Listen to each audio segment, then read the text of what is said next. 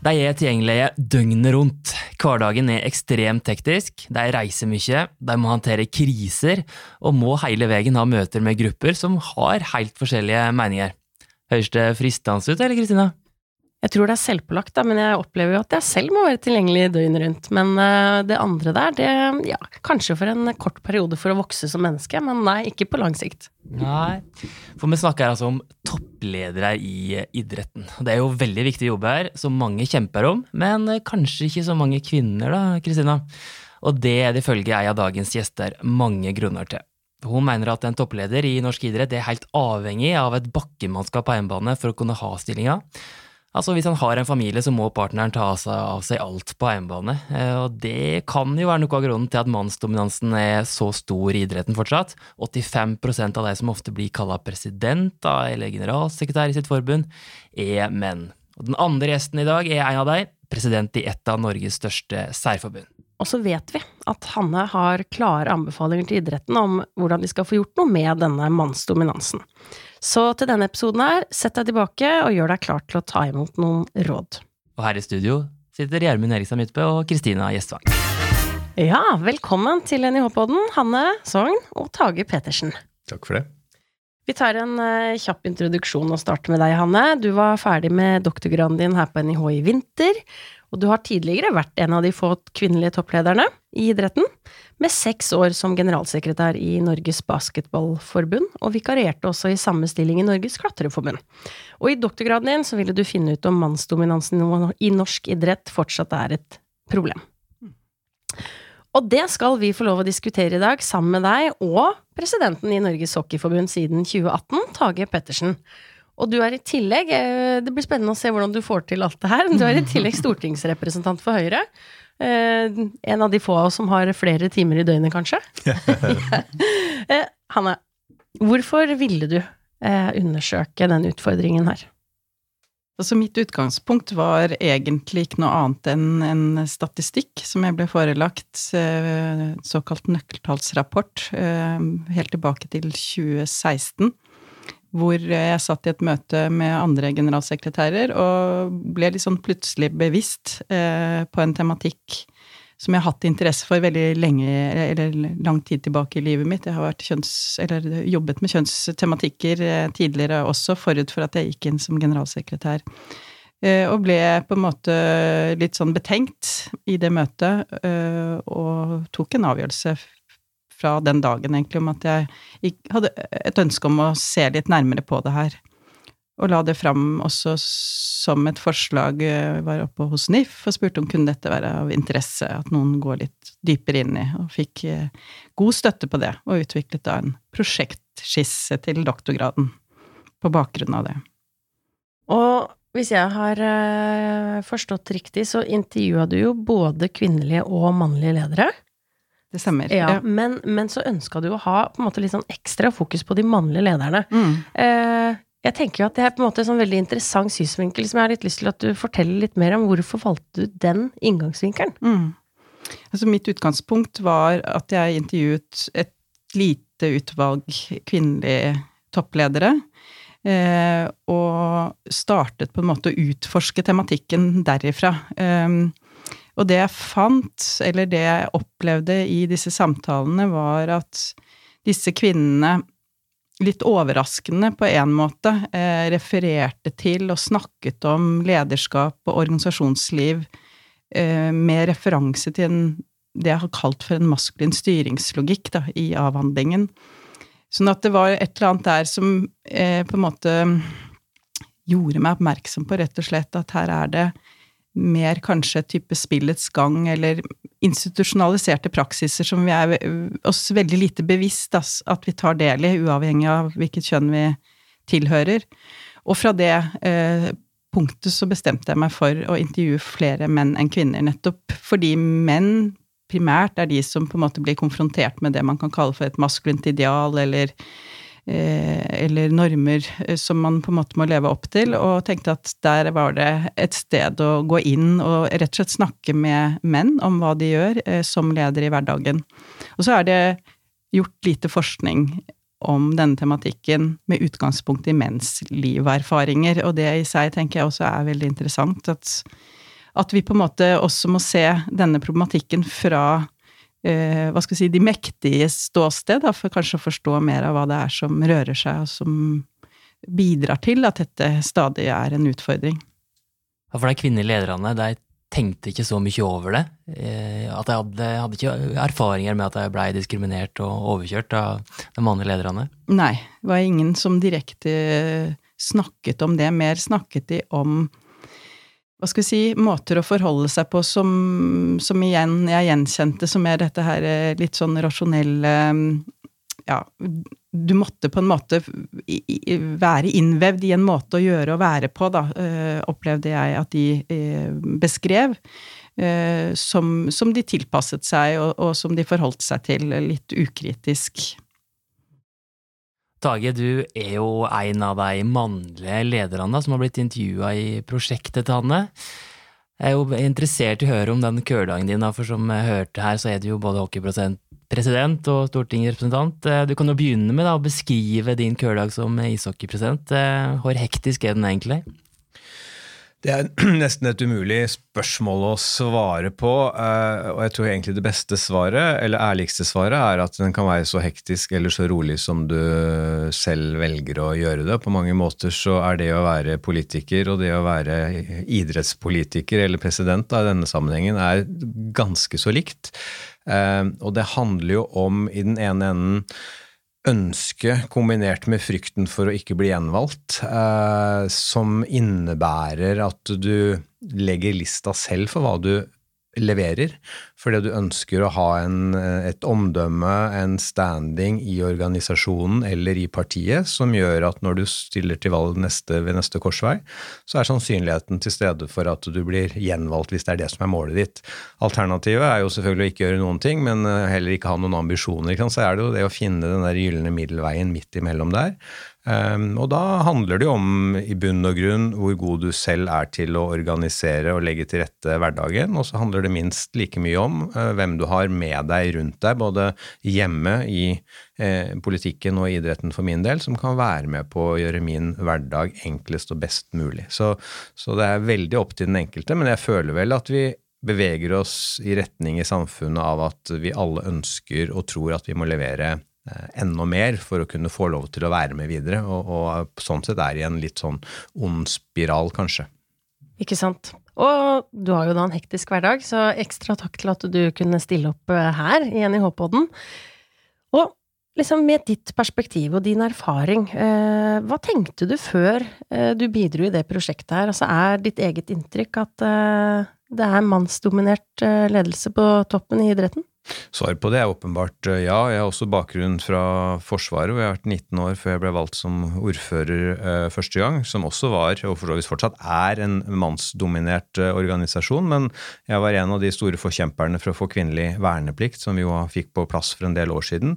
Nettopp med det målet for øye at skal organisasjonen Forsvaret bli en, eh, en god organisasjon som faktisk eh, evner å utvikle seg i takt med samfunnet, så må vi ha alle stemmene om bord. Eh, og da kan det ikke være sånn at det ene kjønnet skal ha en automatisk rett til å komme inn, mens de andre kan komme inn hvis de ønsker det. Og vi ser jo at både kvinneandelen, men også diskusjonene om kultur og ukultur i Forsvaret har jo kommet mange steg videre de siste årene, og det er jo fordi at vi har fått eh, flere av jentene om bord. Akkurat det samme gjelder selvfølgelig idretten. Skal vi få ut det beste potensialet i norsk idrett, eh, både i bredde og topp, så må vi selvfølgelig ha alle stemmene representert. Jeg bare sitter og tenker på noe. Vi skal dra oss kjemperaskt inn på dagens tematikk, men når du sitter der og snakker om eh, kvinner, verneplikt, Forsvaret, så bare kommer jeg på at vi har jo en podkastepisode om rett og slett eh, hvordan kvinner skal få komme inn i deltatroppen til politiet, som toucher mye av det samme, så hør på den også hvis du vil eh, grave mer i den tematikken. Mm, vi må inn på resultatene dine, Han, og det mannlige lederne sa til deg. Jeg har skrevet en uh, sak om prosjektet ditt uh, i en nyhetsartikkel på NIO.no, og den er jo på forskning.no, der vi skriver regelmessig saker om forskninga som skjer her på huset, så der er det bare å følge med. Og i tittelen min der så var jo det sitatet fra deg, da, at toppledere i idretten er avhengig av et bakkemannskap på hjemmebane. Og dere, du legger i det, og at dere, de mannlige lederne sa til deg om den køldagen. Nei, altså um, det jeg fikk innblikk i uh, ved å være veldig sånn konkret på spørsmål knytta til hva de gjør i hverdagen, det var at uh, hverdagen ser veldig hektisk ut. Uh, jeg beskriver den også som litt sånn kriseorientert, i form av at det stadig dukker opp saker som man på en måte må håndtere. Vanskelig å planlegge en hverdag. Eh, mange av disse lederne er også mye ute på reise, eh, og diverse møter eh, internasjonalt og europeisk og nordisk. Så, det var på en måte sånn samlet sett en beskrivelse av en hverdag som nesten ikke høres ut som går i hop.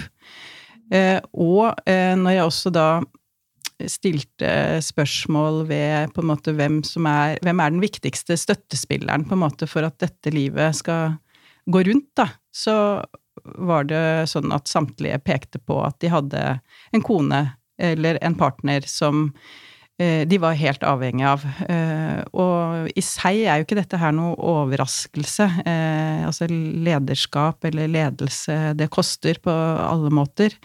Men, men, det var på en måte likevel interessant å, å um, bruke litt tid på å utforske det, rett og slett fordi når vi snakker om tiltak i idretten, da, litt sånn historisk også, så har man innført eller gjort eh, tiltak som eh, i veldig stor grad handler om å fikse på kvinner, eh, og det er det mange forskere som har påpekt.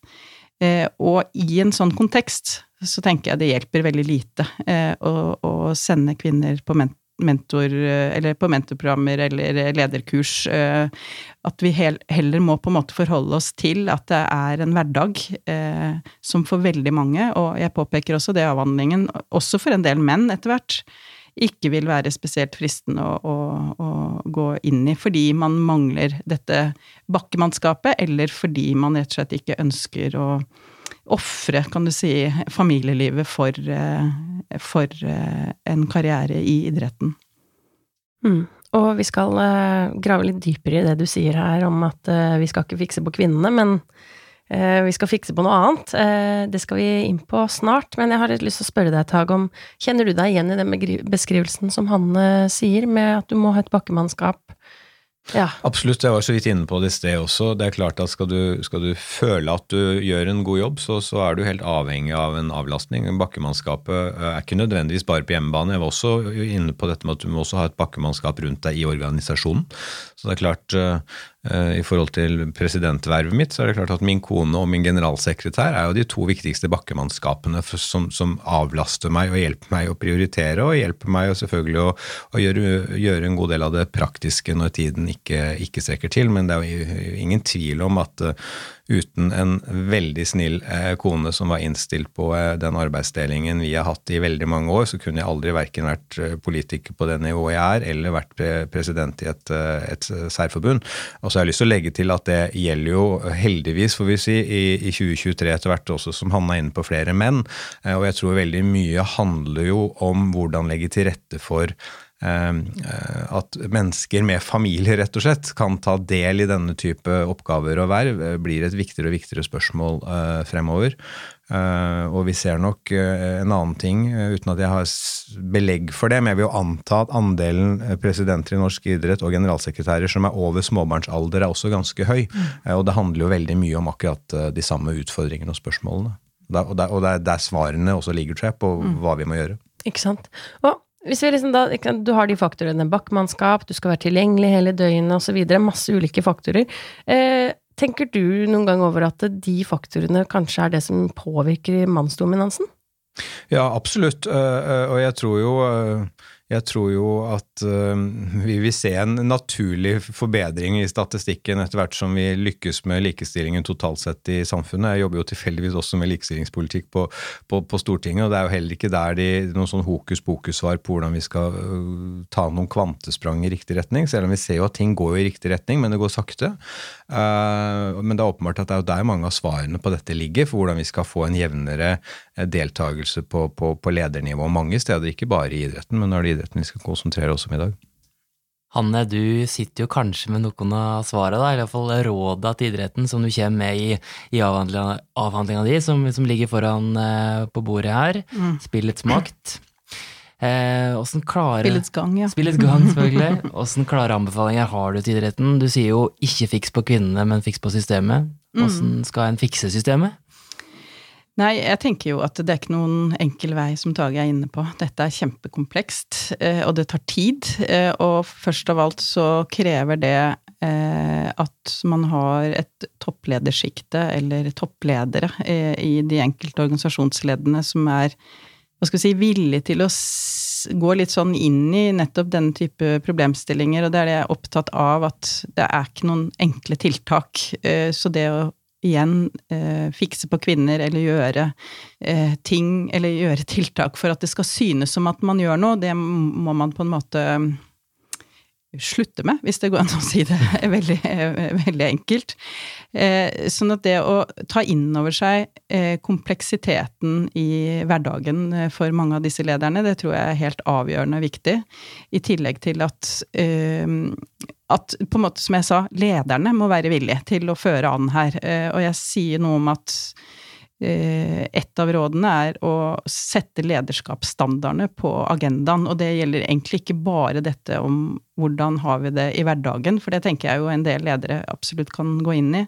Men det handler også om en type som jeg påpeker i avhandlingen, at det, det, er mer som foregår her. Altså det er eh, en Jeg kaller det ikke for en machokultur, for det syns jeg er litt sånn ekstremt begrep å bruke, men igjen tilbake til denne maskuline styringslogikken, hvor du i kulturen har eh, Det er mye, hva skal vi si, konkurranseelementer inne i bildet her, og det pågår på en måte på et nivå i organisasjonen, ikke bare typ mellom idrettskretser og særforbund, som er en kjent problematikk om tingsammensetningen, men også har du en del knytta opp mot uh, presidenter, opp mot generalsekretærer, du har disse små, mellomstore og store særforbundene som slåss seg mellom status og penger og, og makt, og så kan det høres litt naivt ut at ja, men Eh, sånn kan vi ikke holde på, vi må være greie med hverandre. Men det er nettopp, det er nettopp øh, noe med å liksom gå litt mer i, de, i dybden og i detaljene knytta til hvordan har vi det, og hvordan gjør vi det, og, hvordan har vi det sammen. Uh, som jeg tenker er kjempevanskelig, og uavhengig av kjønn. Virkelig uavhengig av kjønn. At dette er ikke noe på en måte menn alene fører an. Det er en en måte å gjøre og være på som, som, som man kan sette på agendaen i mye, mye større grad. Mm. Den maktkampen innad i idretten mellom de forskjellige interessene, den påvirker jo, kjønn og, og makta der? Ja, hva, hva, hva tenker Den du? Den maktkampen mellom de forskjellige interessene innad i idretten, det at det er så mange særforbund, at måten idretten er organisert på, da. Mm. Den, det, er stort, det, er en stor faktor i, i det du beskriver? Ja, det i, i, seg virker som på en måte hva skal vi si, spiller opp under denne maskuline styringslogikken. Um, uh, og det å se for seg alternativer, måter å være sammen på. Uh, hva aksepterer vi av atferd? Hvordan skal på en måte relasjonene formes? Jeg tror akkurat det er et viktig poeng å, å, å sette fokus på også. Mm. For hva tenker du, Tang, om det Hanne sier? Nei, jeg tenker at Hanne er inne på noe veldig viktig, og jeg har lyst til å egentlig kaste holdt på å si, elefanten i rommet inn i mikrofonen her. og det er klart at uh, Vi kan gjerne snakke om særforbund imellom og generalsekretærer versus presidenter og små og store særforbund og kretser osv., men, men det er klart at uh, hvis ikke vi klarer, og nå skal valgkomiteen legge frem en innstilling om ikke så mange dager, hvis ikke vi klarer å få et styre på øverste nivå i norsk idrett til å ville jobbe sammen, til å fremstå utad som et lag, til å fremstå utad som noen som er der fordi de har lyst til å være der på vegne av hele norsk idrett og vil skape glede og engasjement. Hvis ikke vi klarer det, så kan vi gjøre så mye vi vil nedover organisasjonene, både på krets- og særforbundsnivå, men det hjelper veldig, veldig lite. Og jeg skjønner at både kvinner, og for så vidt menn, ikke har lyst til å stille opp og, og, være med og kjempe om lederverv, når vi ser de medieoppslagene vi har sett uh, øverst i norsk idrett det siste halvåret. Det syns jeg er fryktelig trist, og jeg tror det er også en veldig viktig sånn kulturdiskusjon mm. for, å, for, å, virkelig tiltrekke oss de beste, både kvinner og menn, inn i lederposisjoner i, i resten av organisasjonen. Så jeg hadde bare veldig lyst til å si det når, mm. når Hanne kasta dette med, med ikke machokultur, men, men en litt sånn utfordrende kultur da, som kan være i norsk idrett. Mm. Du sitter jo, Hanne, og har på en måte sagt noen råd nå som jeg tenker er litt sånn Det er noe praktisk, dette er veien videre mm. å gå, hvis man skal få endra litt på dette systemet. Eh, som forsker, Er det noen framtidstanker videre på dette feltet? Eh, så absolutt. Eh, først og fremst så tenker jeg at det, det kan være verdt å ta fram denne avhandlingen. Eh, det jobbes jo nå med, jeg vet ikke helt hvordan det ligger an, men det har i hvert fall blitt jobbet med en, en helhetlig strategi for kjønnsbalanse eh, som NIF har ansvaret for. Eh, og mm, jeg kan jo bruke anledning til å etterlyse at noen etterlyser meg i den sammenheng. Fordi eh, det er noe igjen med at eh, kompleksiteten i den problematikken, den tenker jeg vi er nødt til å ta inn over oss når man skal jobbe fram en strategi. Nå vet jeg ikke hvor den lander, det kan være at den blir Altså det er noen strategiske poenger som blir på en måte bakt inn i ny idrettspolitisk, eh, nytt idrettspolitisk dokument. Idretten vil, eller er det idretten skal? En av delene. men, eh, men, men, nettopp det her med å Nettopp som jeg sier, ta inn over seg kompleksiteten. Sette på en måte eh, Altså ha en målsetning som er realistisk. Dette er ikke noe man fikser på tre år eller fem år eller ti år, for den saks skyld. Det er langsikt, et langsiktig arbeid, og det handler mye om kunnskap. At vi tar med oss den kunnskapen vi har. Det er mange som har forsket på det her før meg, men den kunnskapen har man rett og slett ikke eh, tatt inn over seg. Så hvis man på en måte kan finne en slags, eh, et møtepunkt da, mellom de som sitter med kunnskapen og de som skal utarbeide disse strategiene i, i praksis, tenker jeg at man har kommet veldig langt på vei. Og så påpeker jeg også i avhandlingen at dette med å jobbe med uh, kulturendring, altså gjøre det til hva skal jeg si, en, gjøre det til en kultur at man jobber med kultur. Mm. At det er ikke noe farlig. Det er ikke farlig å bli sett kritisk på. Eh, så det eh, og nå har jo lederne for så vidt veldig lite tid til å gå på kurs, men her er det snakk om liksom å bli bevisstgjort hvilke, eh, hvilke mm, faktorer som kanskje kan, som kan spiller inn da, på, på hvordan nettopp det som jeg sa, hvordan man har det og hvordan man gjør det, eh, og at man kan åpent diskutere kan vi gjøre dette på alternative måter. Eh, idretten har noen veldig tydelige verdier. Det er likeverd, lojalitet, demokrati. Eh, de verdiene må man begynne å Altså, de må legges midt på bordet, og så må vi Hvordan skal vi leve opp til disse her helt konkret i hverdagen? Hva gjør jeg? Hva gjør du som gjør at vi ikke får det her til?